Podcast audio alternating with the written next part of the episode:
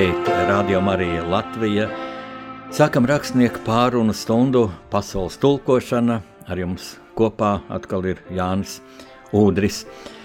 Un šodien mūsu viesis Radio Marija Latvijas studijā ir, es teiktu, ļoti kompetenti, ļoti aktuāli persona tieši tajos jautājumos, kas šobrīd satrauc visu Latviju. Tas ir ģenerālis Raimons Graube, mūsu Nacionālo bruņoto spēku bijušais eh, komandieris un tagad fonda Namejs. Vadītājs, labdien, Raimons, sveicu mūsu studijā. Jā, labdien, sveiciens visiem. Jā. Nu, eh, tagad es tā domāju, ar ko sākt. Drīz būs astoņi mēneši jau kopš Ukrainā turpinās karš, bet šobrīd, protams, ir mūsu publiskajā telpā nu, ļoti sakars jautājums ir mm, nu, nulli notikušo saimnes vēlēšanu rezultāti. Un, lūk, man sintēzējās viens jautājums, kā tev ar lielo tavu mm, nu, militāru personas pieredzi un arī politisko pieredzi, kā tev šķiet, vai šo vēlēšanu rezultātus Latvijas pilsoņu izvēli spēcīgi ietekmēja karš Ukrainā?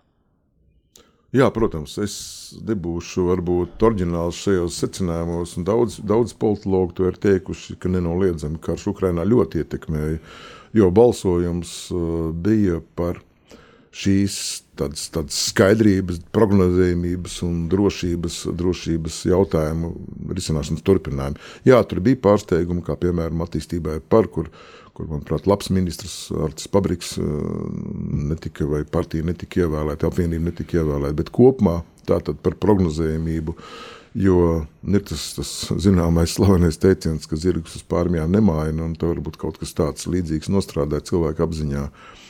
Un es uzskatu, tas ir pareizi. Es ļoti atbalstu šo, šo domāšanas veidu, jo jebkurai jaunai valdībai ienākt uh, pie šiem svarīgiem drošības jautājumiem, risināšanas, nu, tas prasīt laiku. Šobrīd laika mums nav. Mums jāreģē uzreiz un jāreģē operatīvi.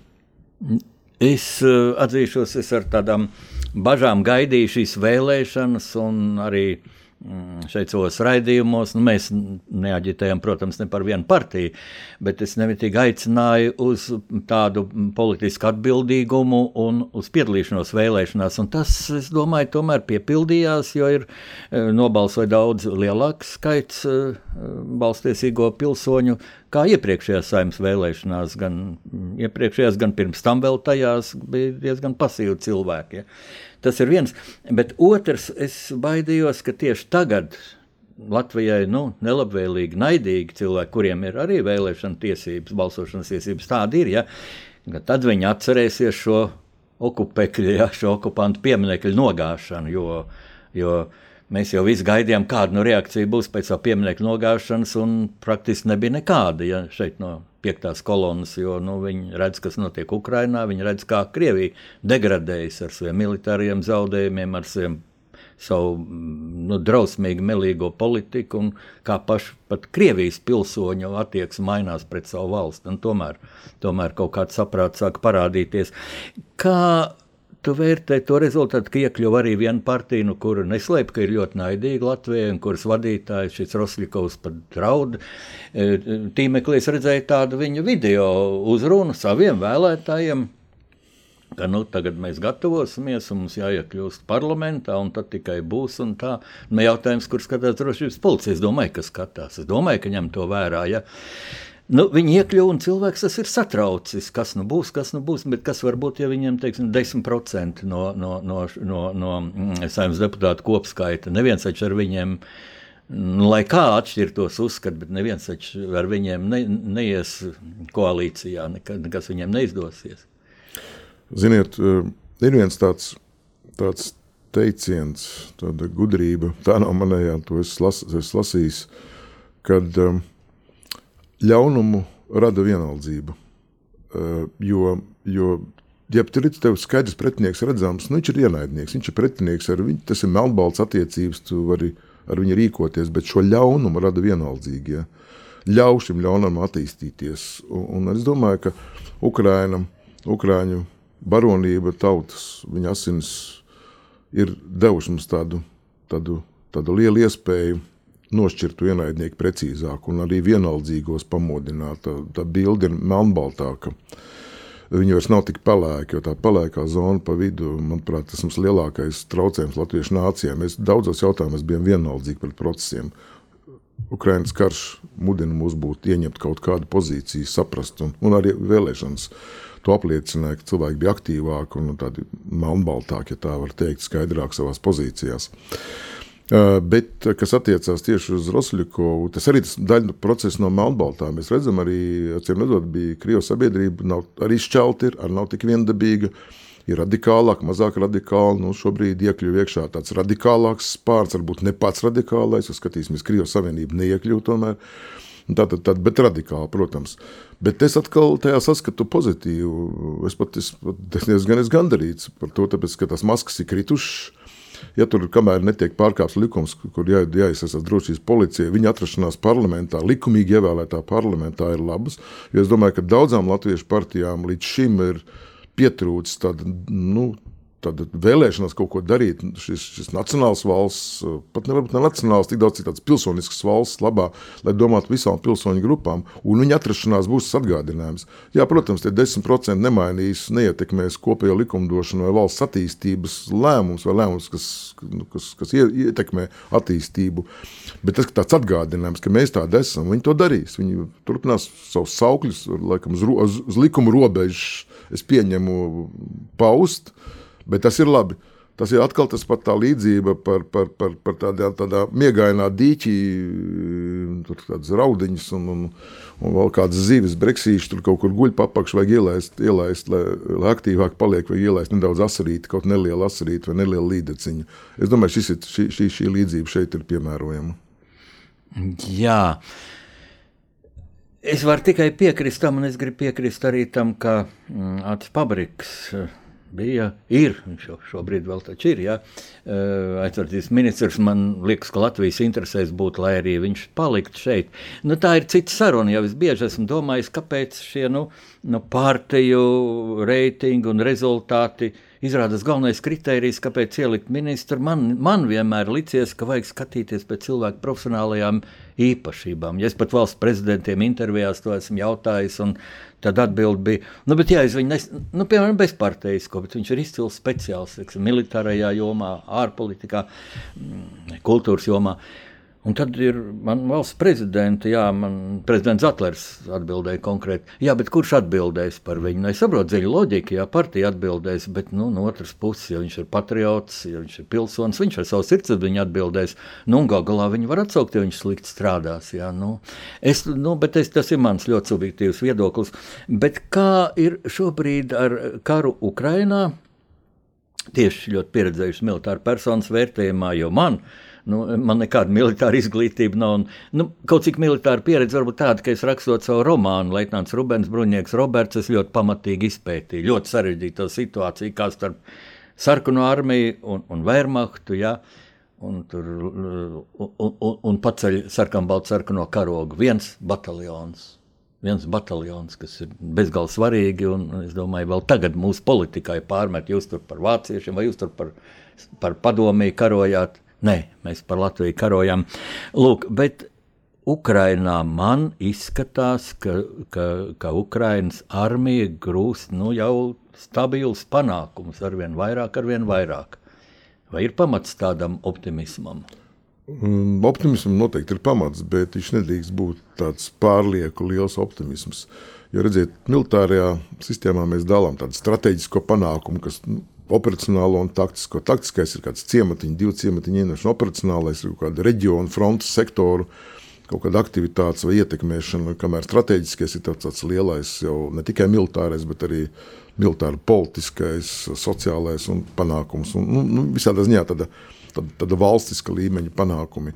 Es šobrīd definēju tikai operacionālu panākumu atsevišķos frontes sektoros, jo Ukrāņi tiešām profesionālā karo labāk izmanto viņa rīcībā esošās uh, ieroču sistēmas. Viņi ir, nu, viņi ir, nu, viņi ir tādās domā un vada šo, šo savu karaspēku 21. gadsimta tādās kategorijās, ja, kur, kur tiek domāts par cilvēku dzīvībām, kur tiek domāts, ka cilvēks ir vērte, viņa karavīrs ir vērtība. Kamēr, kamēr kā mēs redzam, varbūt pirmās dienas viņi mēģināja Krievijas karaspēks nu, kaut kādā tādā eiropeiskā veidā tur karot, varbūt ne, nevēloties kontaktos iesaistīties kaujās, bet gan nu, iet pie, pie iedzīvotājiem, domādams, ka viņi sagaidīs viņus ar puķiem. Un beidzās ar, ar pirmajiem pirmiem kontaktiem ar civilpersonām, kuras teica, brauciet mājās, jūs esat okupanti. Tad viņš neko citu neprasdams sāk lietot šo otrā pasaules kara metodi, iznīcinot visu sev priekšā un tad iet uz priekšu. Un šī, šī, šī, šī tāda sadursme ir tā, kas strādā par labu Ukrāņiem. Ukrāņi dara lēnām, pacietīgi un uz priekšu. Un šobrīd, jā, kā jau teicu, iniciatīva, tāda operacionālā iniciatīva ir vairākos frontes sektoros.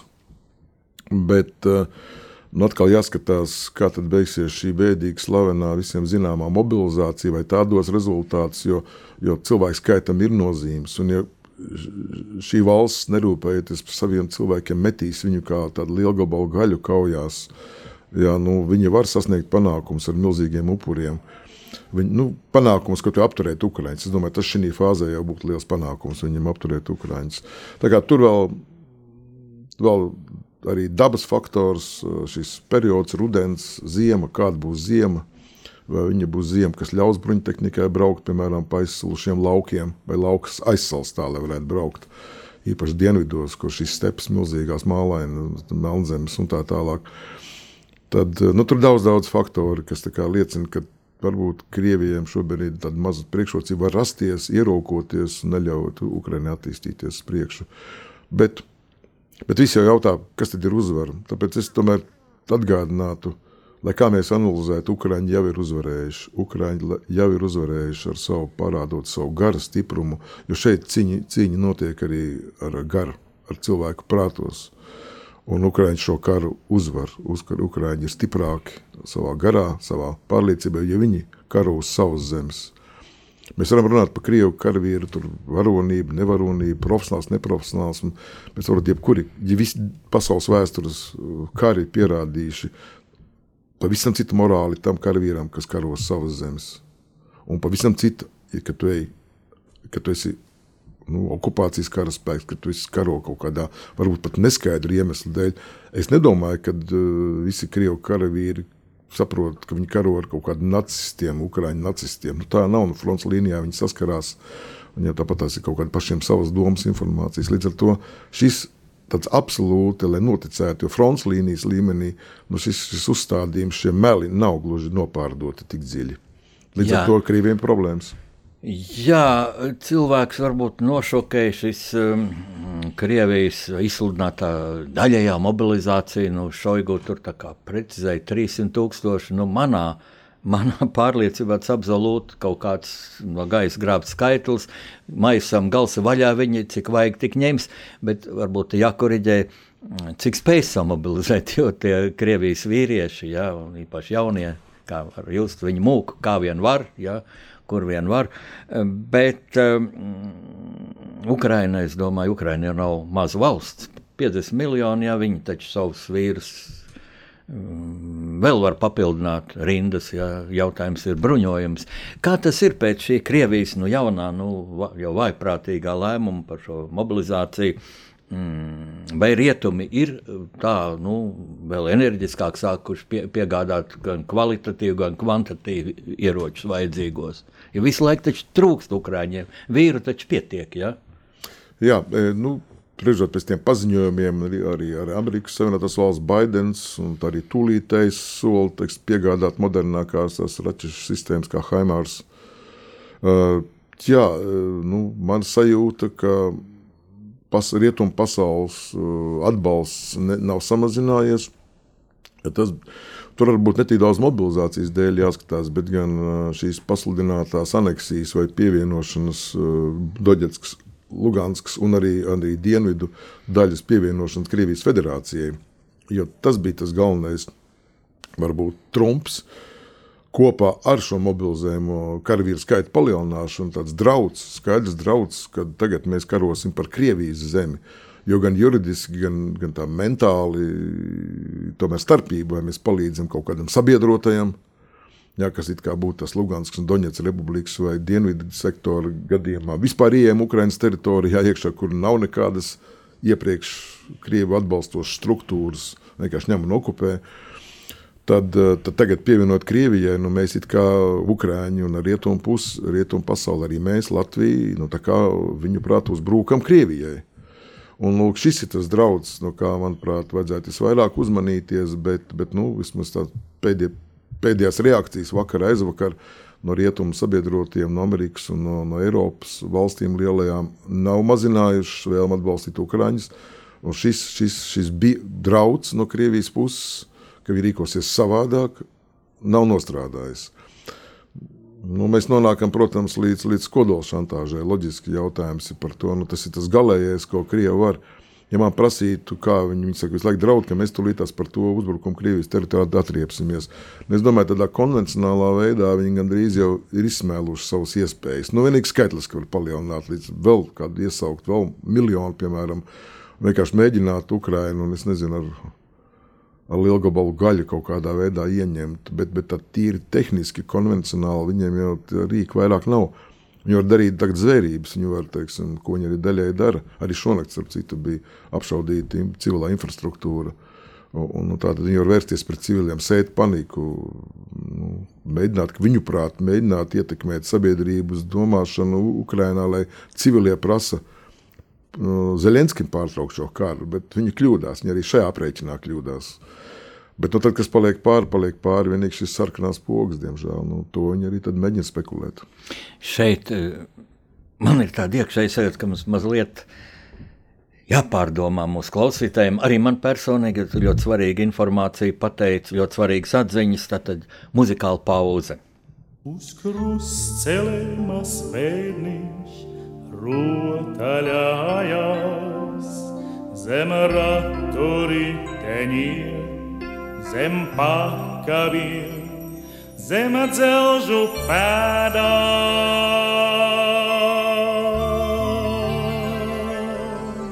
Uz krustcelēmas bērniņš rotaļājās, zem raturiteniem, zem pakaviem, zem dzelžu pēdām.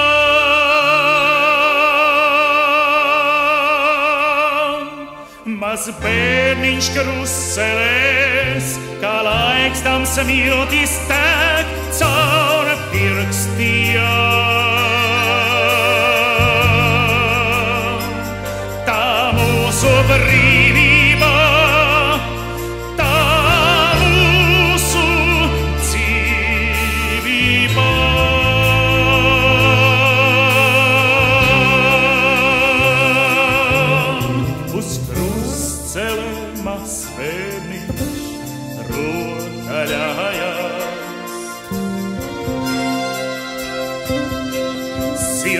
Man droša, jo tangars tavs draugs.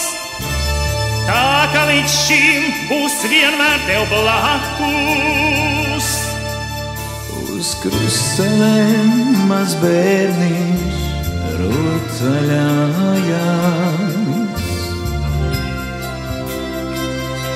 Sirds man droša, jo tangars tavs draugs. Tā kā līdz šim būs vienmēr tev blakus. Maz bērniņš kruselēs, kā laiks tam smiltis tek caur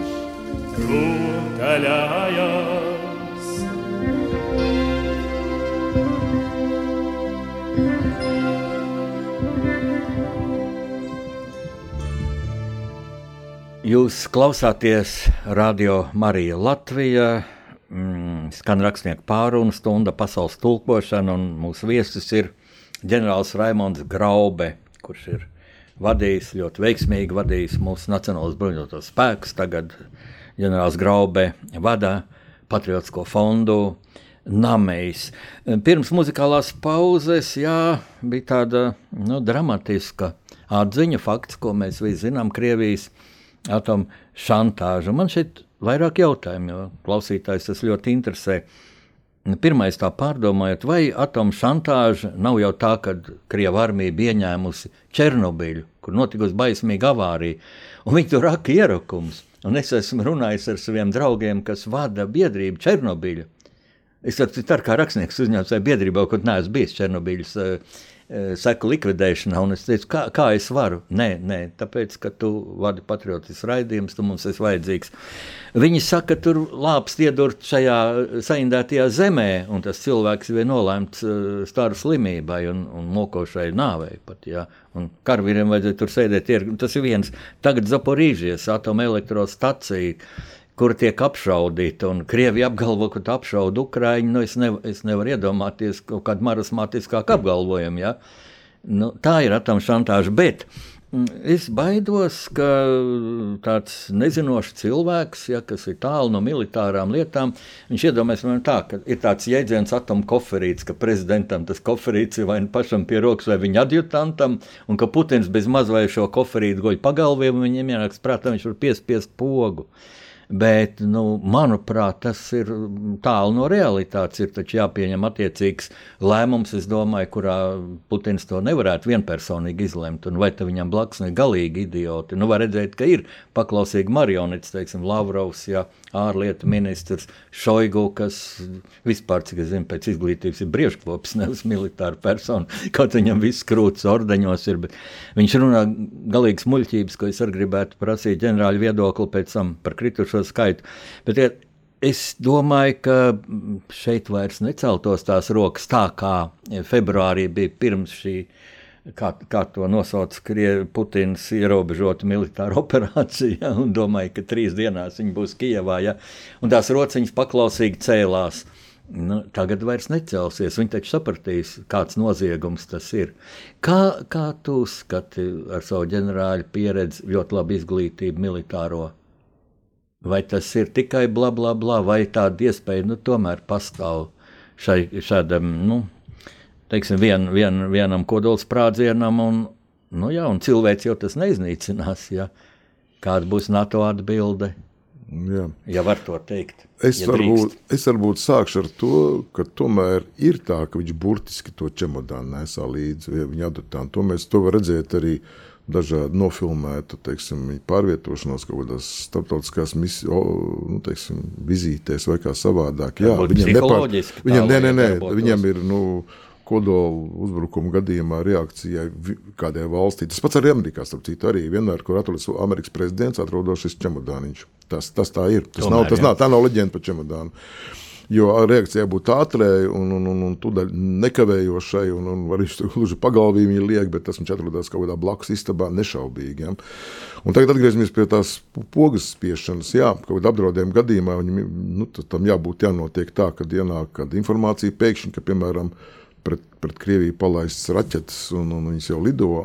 Kā arī atcerēsimies šo vienu konfliktu, kurā pēdējais izpildītais pukužlietnants, kas bija dežurants Krievu kodola vadības, nu, tā varētu teikt, aizsardzību nu, centrā. Uh, viņš vienkārši nenospieda šo pogu. Kaut gan radari liecināja, ka tur lidoja kā amerikāņu raķetes uz Krieviju. Mm, un, un, un tā bija kļūda. Putni, tur, jā, jā, tur bija, tur bija kļūda, viņš neizpildīja to, to, to uzdevumu. Nu, te var būt līdzīgi. Līdz ar to tāds ziņojums tiek saņemts, un tālāk tiek tāds zināms protokols, zinām kārtība, kādā veidā tā, tā, tā, tā, tā atompoga beigās, kā tā raķete izlido no tās šahtas vai no kodola zemūdens. Respektīvi, ko es gribēju teikt, ne jau bet, viņš pats to jā, pogu, startu nu, tad, pogu nospiež, bet viņš dod Tas ir tas, ko gribēju teikt. Secība, tas ir noslēpums, jā. kādā veidā, kādā secībā tiek inicēta. Bet katrā ziņā viņš nav vienīgais pogas spiedējs, un tur ir vesela virkne, tur ir, nu, tur ir dažādas spekulācijas, jo tas ir valsts noslēpums. Bet, nu, tiek pieņemts, ka tas arī aizsardzības ministrs Šoigu šajā gadījumā, bruņotu komandieris Gerasimovs, ģenerālis vai, vai, vai vēl kādi citas struktūras, un beig beigās arī tas operators pie tās pults fiziski atrodas dežūrā tajā naktī vai tajā dienā. Uh, Nu, jā, nu mums ir cerība, ka kā, kaut kur kādā no šiem līmeņiem veselais saprāts nostrādās jā, un, un, un, un kodola poga netiks nospiesta. Nedaudz savādāk ir ar šiem taktiskiem ieročiem. Jo tur tomēr taktisko kodola ieroči tas palaiž no raķetēm, no lauka, no ar Iskanderu, teiksim, arī artēriju, tālās, tāl, tāl, tāl, tālšāvi artērijas iespējas lietot. Viņi, nu, nav izslēgts, ka kāds draudz, biedrs būs, varētu tikt arī pielietots. Bet redzat, te ir divi tādi aspekti. Es gribētu ticēt, ka tas tā nenotiks, jo, jo racionāli grūti analizēt Putinu. Ja mēs 22. februārī šeit sēdētu studijā, arī mēs racionāli domātu, ka nav iespējams karš. Jā, pilnīgi droši. Tāpat arī racionāli, bet es tomēr ticu, ka šoreiz ar racionālitāti vairāk un proti.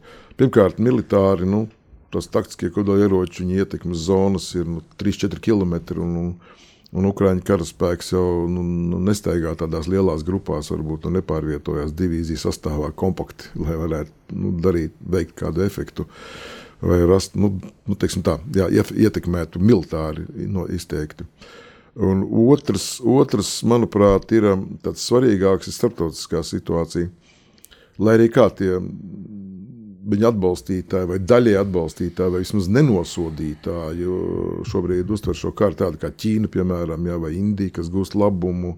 Arī Erdogans, teiksim, NATO gan sastāvā spēlē savu in spēli savās interesēs, un vēl virkni valstu varētu nosaukt.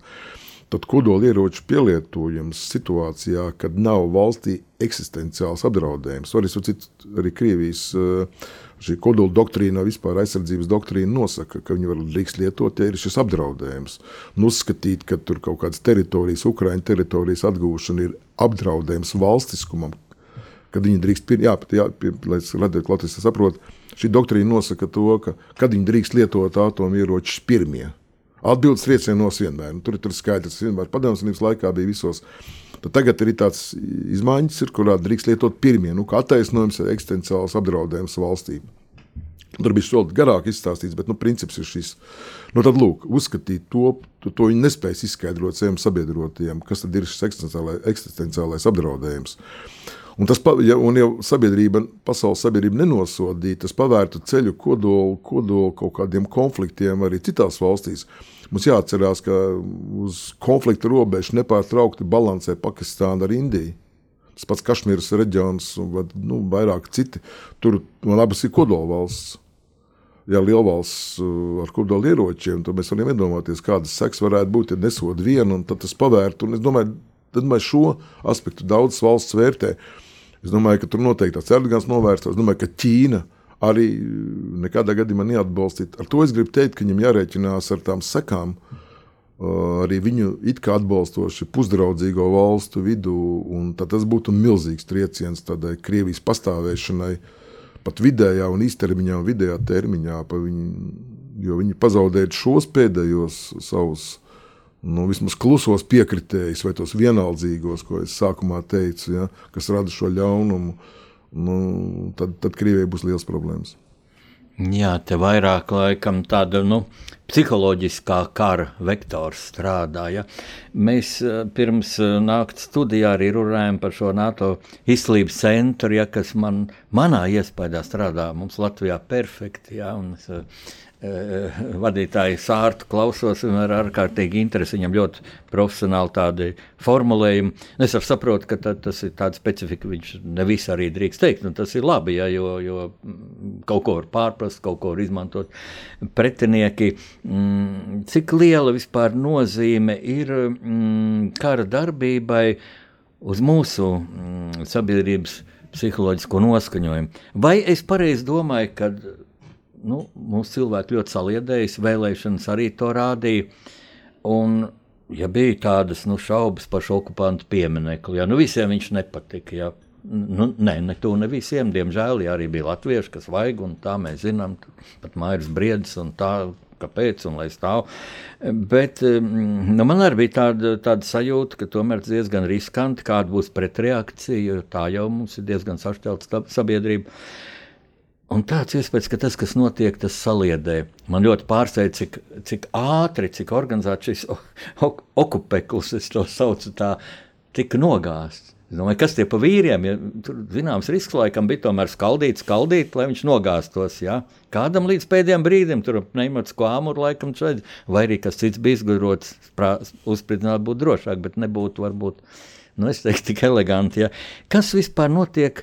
mūsu sabiedrībā pēc tava mm, vērtējuma, vai ir pozitīvas tendences uz tādu nu, patriotisku vienprātību, kas, starp citu, ļoti saistīts ar valsts aizsardzības dienesta organizēšanu. Es varbūt sākšu ar to, kas tad ietekmē šos procesus. Mēs jau iesākumā, pašā sākumā runājot par, par vēlēšanām, minējām šo Ukraiņas faktoru. Un es varbūt sākšu ar to, jo uh, karš Ukrainā šobrīd ir pirmais karš Eiropā. Uh, tāda mūsdienu sociālo mēdīju, teiksim, ar sociālo mēdīju nu, iespējām, ja tā var teikt. Un notiek karš ne tikai par, par, par, nu, par, par šo zemi, par šo fizisko telpu, bet noteikti to, ko tā mēdz saukt par, par, par, par sirdi un prātiem. Par sirdi, īpaši par, par, par sirdi.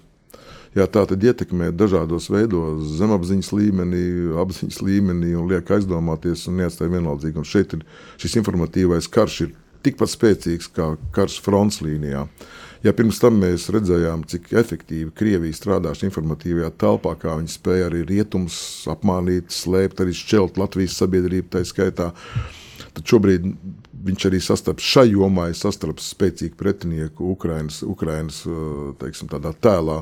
Mēs redzam, cik efektīvi Ukrāņi izstāsta, stāsta, komunicē, kā viņa prezidents komunicē, brauc fronts līniju, kur Putins ir bijis. No bunkura varbūt nav izbraucis ārā. Mēs pat nezinām, kur viņš tur pāris tikšanās ir nofilmēts. Ja? Viņš neiet pie tautas, viņš neiet. Tā ir daļa no šīs informatīvās kartes kara darbības. Tiek montētas šīs jā, nu, tur, jā, nu, tur, bet viņš ir reāls. Bet, bet viņš nav, bet viņš jau nav pie cilvēkiem. Lai ko tur samontē, lai tur, tur pieliek kādu fonu klāt.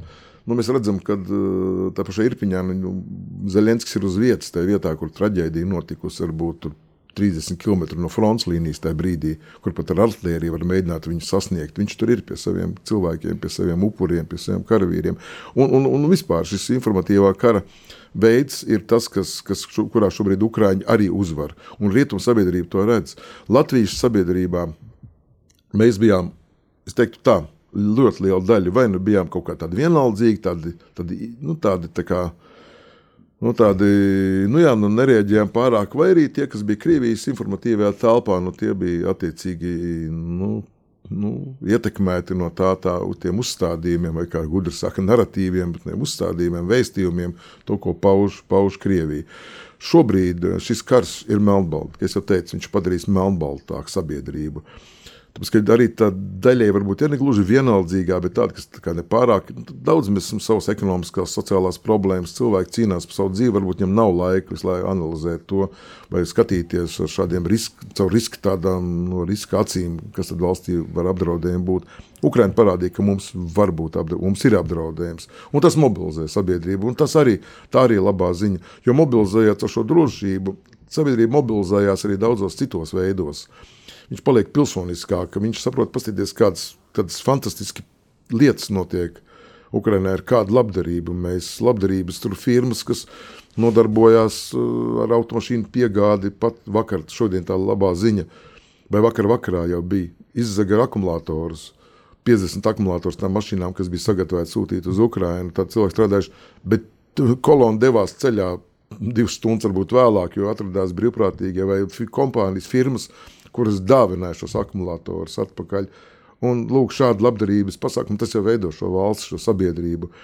Tie paši uh, pirmie bēgļi, kad ienāca valsts struktūra, tur kaut kur domāja, kā tur un kā tur un kur tās vietas piešķirt, tur kongresa namā atcerēsimies, ja, kas bija pirmie brīvprātīgie skauti un gaidas organizācija, ar, nu, vēl arī citas nevalstiskās organizācijas brīvprātīgie, kas momentā pieslēdzās un sāka pildīt tādas vienkāršas funkcijas, nu, kā piemēram, ko te kafiju iedot un tēju siltu un kaut kā tam līdzīgi. Mēs redzam arī uz robežas. Es domāju, es ļoti, ļoti lepojos un priecājos šobrīd par latviešu tautu. Mēs kaut kā arī mostamies šādā pilsoniskā līmenī, ar, ar vēlmi piedalīties. Es pats tikko ar no, organizāciju Namējs un fonds Namējs organizēja Ukraiņu karavīri bērniem. Uh, op, nometnīti. Tiem bērniem viņi no Ukrainas bija. Mēs viņus sagaidījām uz Polijas, Polijas Ukrainas robežas, kur, kur tēvi ir, vai mātes, nu, pamatā tur bija tēvi, atrodas frontē. Piemēram, tur bija bērniņi no 26. artērijas brigādes, kur tajā brīdī, kad viņi atradās Latvijā, viņa tēva bija pie, pie Slavjanskas kaujās. Ja? Nu, tāds bērniņiem. Trīs nedēļas iepriekš izdomājām, mēs izdomājām to darīt, un, un nauda nebija.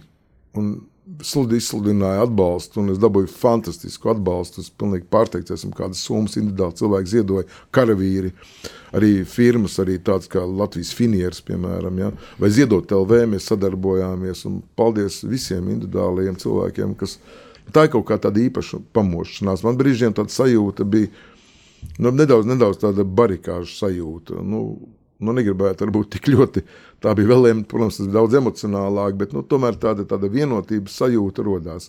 Un mums to nepazaudēt. Galvenais mums to nepazaudēt. Ja? Un, un, un, tāpēc, tāpēc, jā, tāpēc kaut kas no šī. Es ceru, ka tas arī mainīs sabiedrību. Es negribu būt tāds naivs optimists, es gribētu būt pamatots optimists, ka sabiedrība nu, nu, domās arī viens, vairāk viens par otru. Ne tikai, jā, protams, sociālās problēmas būs, mums būs mums ekonomiskās, tūlītās pat ziema, barga, ja būs barga ziema, pat ja nebūs barga. Mēs redzam, kas ar enerģētiku notiek, cenām notiek. Un, bet, bet daļa, kā mēs varam doties kaujā, šai sirds garīgajā kaujā ar ukrāņiem, ir tas, ka valstī jārūpējas par nabadzīgākiem, kuri, kuri, kuri nevarēs samaksāt. Bet pāriem ir jāsaprot, jāsaprot, ka tā ir mūsu nodeva šai, šim karam, ja, ka mēs nedrīkstam barot, barot uh, ļaunumu impēriju ar šo gāzes naudu, naftas naudu, ka mums ir jāpacieš, mums būs grūtības.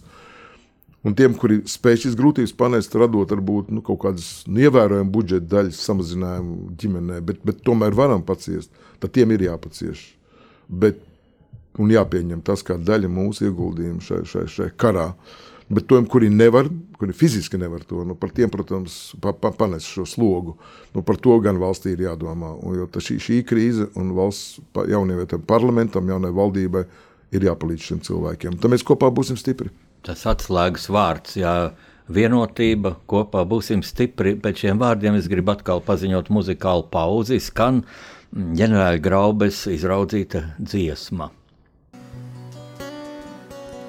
Manas domas tās naktīs skrien visādus ceļus.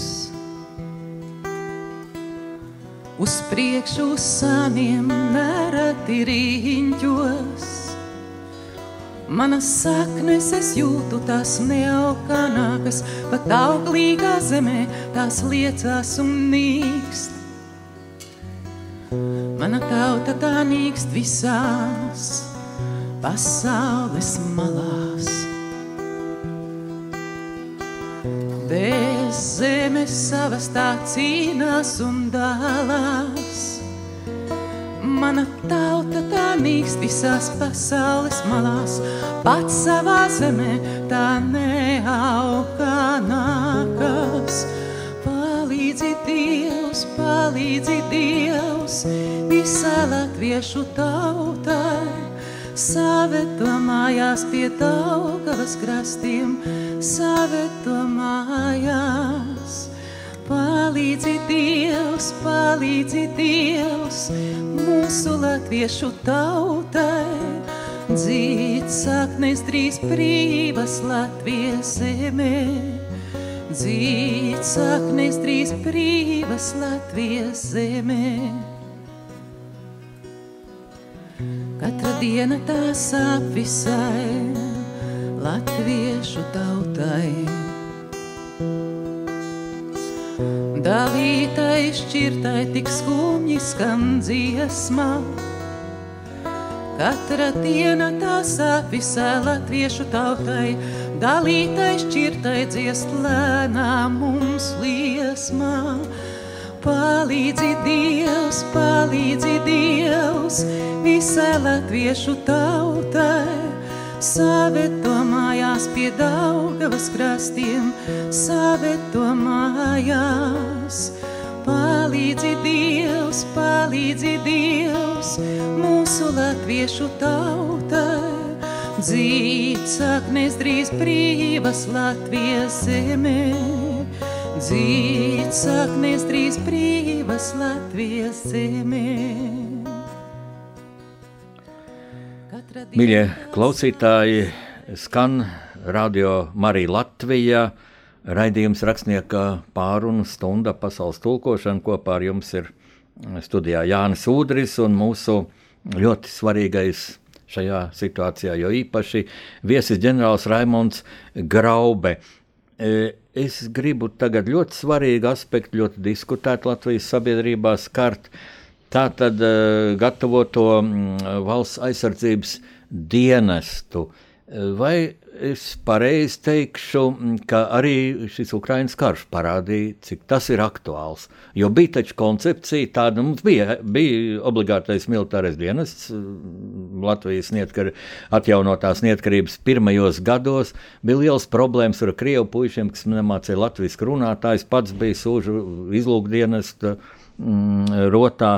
Puisši sēdēja kedās, ja nebija ar visu formu un tā, un mācījās latviešu valodu. Ja, nu, mm. nu, ļoti grūti tā reālā situācija. Um, tagad situācija, es domāju, ir kardināli mainījusies, bet, bet bija tad, tā koncepcija tāda arī, ka, nu, es domāju, ļoti pareizs tas viedoklis, ka profesionāls apmācīts karavīrs ka viņš ir daudz nu, neievainojamāks, ja daudz efektīvāks karot, un viņš brīvprātīgi iet uz to. Viņš ir īsts, nu, var teikt, kara amatnieks, īsts savu amatu meistars. Ja. Kad mums bija Afganistānā, mūsu puiši un lieliski parādīja blakus lielajām rietumu armijām. Tā. Nu, tagad dienas. Man, kad pārtraucu šo obligāto dienestu, man tā jocīgi likās, nu, vai jādomā tikai par karu. Varbūt kaut kādas avārijas, kaut kas, kur puišiem vajag dežūrēt, palīdzēt, evakuēt cilvēkus, kaut ko tādu. Un kas sākās, un bija kaut kāda, es domāju, ka tas bija no mūsu ienaidnieku kaimiņu valsts um, inspirēta kaut kāda aptauja, kā no vārdā, ko jūs darīsiet, ja sāksies karš, un daudz puišu rakstīja, braukšu uz ārzemēm. Zin, tu man paliks slikti duši, ja? kas, kas notiek? ka kaut kas tik naidīgs tiek uh, kultivēts, brauksim prom. Kā tu brauks prom, ja tev te ir tava māja? Kāda Ukrāņas tā ir? Nu, sievietes, jā, bēgļi gaitās, vīrieši taču nav šie bēgļi, viņi iet armijā. Lūk, nu, es emocionāli pajautāju, kāds ir ģenerāla profesionālais komentārs par šo dienestu? Nu, redziet, Jā, jūs ieskicējāt, eh, ka tad, kad 2006. gadā mēs, mēs pārtraucām obligāto dienestu, viens no tiem pamatojumiem bija tāds, ka eh, nu, tā tāds tieši militārs, varbūt konvencionāls apdraudējums uz to brīdi. Mm, šķiet, nav. Ja mēs tikko bijām jau otrais gads, kopš bijām NATO. Patiesībā pusotru gadu bija pagājuši, kopš bijām NATO iestājušies. Uh, Un, un, un, tad līdzekļi vai tie resursi, ko valsts izdalīja aizsardzībai, uzsver, ko politiķi izdalīja aizsardzībai, bija pietiekams nu, profesionāla dienesta veidošanā. Jo tajā laikā mēs sapratām to tā, ka mums ir jābūt, jāpiedalās starptautiskās operācijās. Tā laikā bija Afganistāna, Irāka, ir, jā, un nu, vairākās citās vietās, arī ir Tur gan varēja sūt, tikt nosūtīt tikai un vienīgi profesionāli karavīri, kas arī tika darīts. Un, un, un tā varbūt tāda. Jā, tagad ar šīs, šīs dienas apdraudējumu acīm skatoties, es uz, varētu teikt, ka tā bija kļūda. Uh, tas ir jāatzīst, jo, jo, jo toreiz nu, tas pieņēmums, ka Kriev, Krievijas federācija varētu šķērsot kādas valsts robežu tādā konvencionālā veidā, ar tankiem braukt pāri, uzbrukt. Uh, nelikās iespējama. Bet nu, tad lēnām, nu, kad mēs redzam, pēc, pēc Grūzijas arī, ne, no, arī no NATO nebija pietiekamas reakcijas. 14. gads jau nedaudz vairāk, un tā eskalācija aug. Es domāju, ka šis secinājums pareizi izdarīt, jo, ja ir apdraudējums, ir, nu, ir jārēģē atbilstoši apdraudējumam.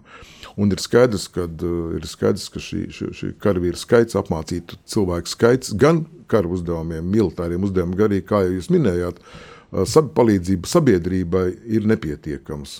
Jo šis ir ļoti, ļoti svarīgs aspekts, ko mums arī Ukraiņa māca, ka mums nevajadzētu skatīties šo valsts aizsardzības dienestu kā vienīgi un tikai kā uz karaspēku, kurš kurš, nu, kurš ir gatavots karam, viņš ir gatavots palīdzēt sabiedrībai, gan individuālā līmenī, miera laikā, piemēram, cilvēks ir apmācīts pirmo palīdzību sniegt, nu, viņš ir savādāks kaut vai ikdienas situācijās, kaut kur avārija gadījumā, auto, piemēram, viņš sniedz kaut kādu palīdzību, vai arī vai arī ir kaut kādas nezinu, ķīmiskas vai dabas katastrofas izraisītas, dabas izraisītas katastrofas arī, kur šīs iemaņas nepazūd, viņas, viņas ir klāt, klātesošas.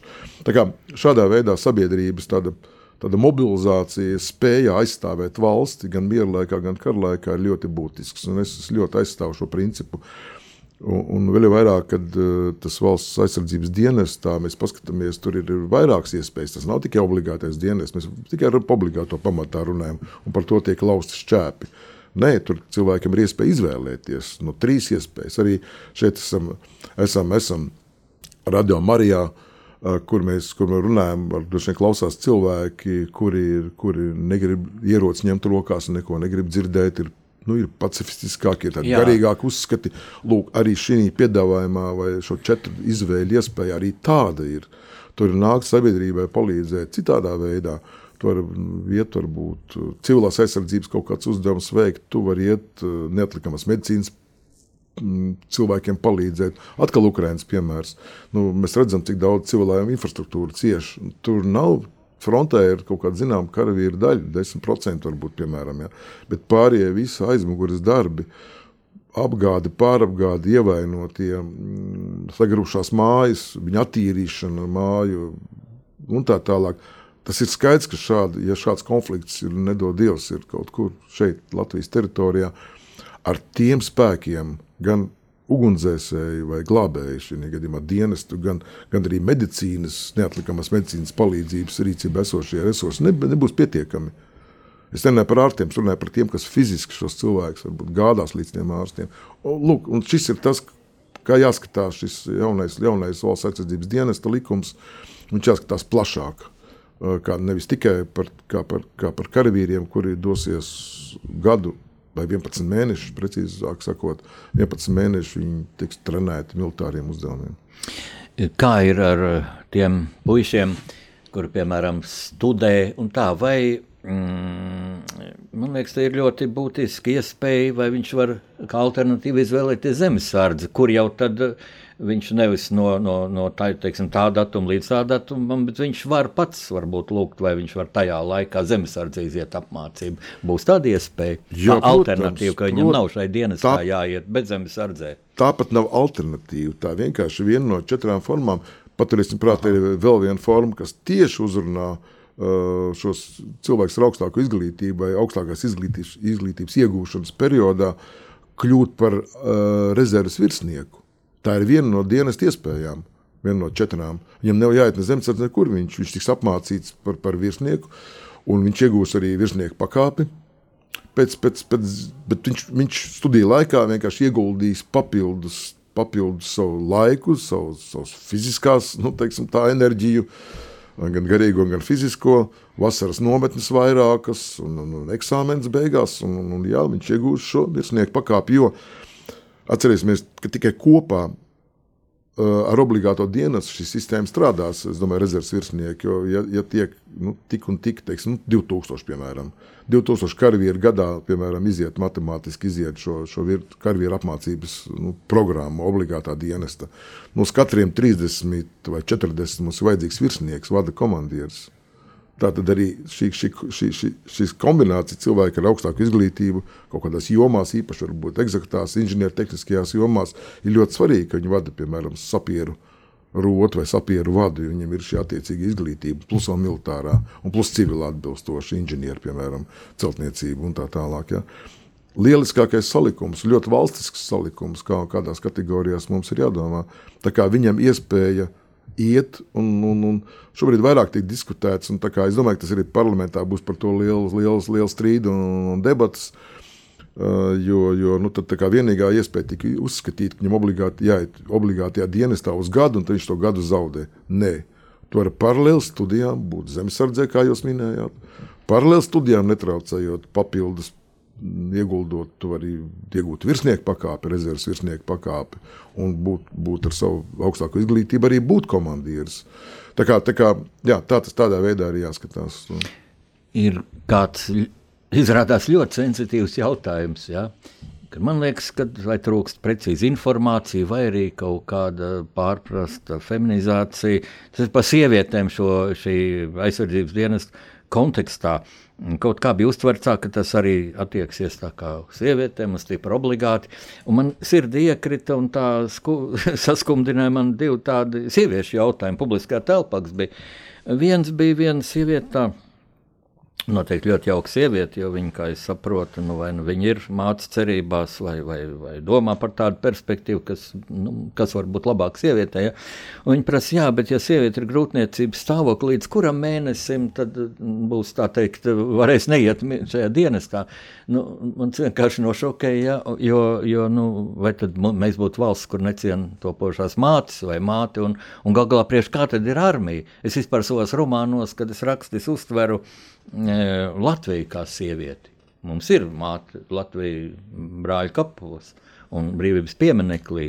Es uztveru Latviju kā sievieti, kur vīriešiem jāizstāv. Protams, tūlīt es teiktu, nu, laikam jau, ja kas grib, brīvprātīgi, taču būs tāda iespēja. Ja? Tāpat kā zemesardze, jau tagad ir daudz sievietes un brīnišķīgas sievietes. Mēs redzam, parādēs, mēs redzam viņas manevros. Bet pavisam traks bija tāds jautājums vienai sievietei, ļoti gaišai sievietei, viņas pusē, bet vienkārši nu, kaut kāda milzīga neizpratne. Viņa saka, es esmu patriote, bet ziniet, ja man būs jāizvēlās par militāro dienestu vai to, ka es esmu trīs bērnu māte, es došu priekšroku ģimenei. Tas ir milzīgi neizpratne. Taču ģimene ir tā, ko mēs aizsargājam, ko Ukrāņu varonīga, Ukrāņu vīri aizstāv. Viņam arī vidi, e, e, internetā mm, redzēja un izplatīja tālāk brīnišķīgu tādu video klipu, kur sieviete, sieviešu zemesardze, ja, Ukrāņi iet parādē. Bet nu, tās ir brīvprātīgās, bet kā tas ir? Nu, taču, vai tad būs obligāti šis dienas arī sievietēm? Mm, nu, nu, mēs zinām, ka pašreiz tā, tā, tā likuma projektā, kurš pirmajā lasījumā diskutēts par Par to, par to netiek runāts, jā, bet, protams, sabiedrībā ik pa brīdim uzvirmo jautājumi, un īpaši tajā sabiedrības daļā, vai, kuri, kuri tā ļoti, ļoti aktīvi iestājas par tādu emancipāciju, jebkurā jomā. Nu, nu, nu, nu, nu, nu, vai viņi pārstāv visas Latvijas sievietes? Domāju, ka nē, es domāju, ka arī tā bažas, ko jūs minējāt, ir tam pierādījums, ka nu, nu, es nedomāju, ka šajā kara lietās vajadzētu ar likumu ieviest obligāti sievietēm dienēt. Jo redzat, šī brīvprātīgā sievietes izvēle ir tā, tā labākā forma. Ja tikko mēs obligāti pieliekam visas dienas, tas nozīmē, ka visas arī dienesta programmas jāpild visiem vienādi. Un, un, un, un es nedomāju, ka tur pirmajās mācībās pierādīsies, ka nu, teiksim, nu, ar zemesardzē izņēmumu gan tur, tur, tur, tur, tur ir nu, principā, izdodas izpildīt, bet ja mēs tā pieejam teiksim, augstākā līmeņa prasības, kur ar, ar pilnu uzskabu jāveic tāds un tāds kilometru daudzums, lai vienība būtu nonākt kaujas operācijas zonā, nu, tas būtu sarežģīti. Visiem izpildīt vienādi šīs prasības. Bet, bet tā brīvprātība dod iespēju sievietei pieteikties un piedalīties jomās, kuras armijā nu, nav obligāti saistīts tikai ar ieroču nesāšanu, ieru, ierokumu rakšanu. Tādā, nu, tādā, kā varbūt katrs iedomājas, iedomājas armiju. Tas bija teiksim, mēs skatāmies, vienmēr min tos piemērus vēsturisko nu, armijas veidošanās principus vai attīstības principus. Ja, piemēram, Romas leģions, visi, kas soļoja, visi arī kaujā piedalījās. Viņš nesa visu, visu uz muguras 30 km dienā. Tāds klasiskais maršruts viņiem bija un vēl šis tas. Un ar, un no attīstoties dažādām ieroču sistēmām, nu, diemžēl letālām, jā, bet nu, tā, tā, tā vajadzība auga pēc, pēc, pēc, pēc speciālistiem dažādu veidu. Un mūsdienu armijā arī mums ir, mums ir daudz, mums 16% sieviešu bruņoto spēku sastāvā. Bet tas nenozīmē, ka viņas atrodas pirmajās fronts līnijās, ierakumos. Tur ir mediķi, tur ir loģistikas cilvēki, tur ir uh, analītiķi, uh, IT speciālisti un tā tālāk, kuriem, kur, kurus var pildīt jebkurš. Tā nav nozīme. Tas vīrietis, sieviete, vienkārši jau prāts, es trenēts to darīt, nu tad to arī dari. Tāpēc, tāpēc es neiz, neizslēdzu šo brīvprātību, ko arī likuma šis projekts paredz, šo brīvprātības principu.